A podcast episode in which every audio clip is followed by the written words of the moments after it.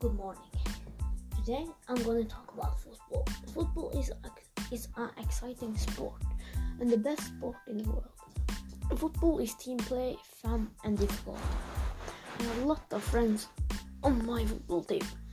My favorite football team is Liverpool, and my favorite football player is Mohamed Salah. Mohamed Salah is 27 years old, position wing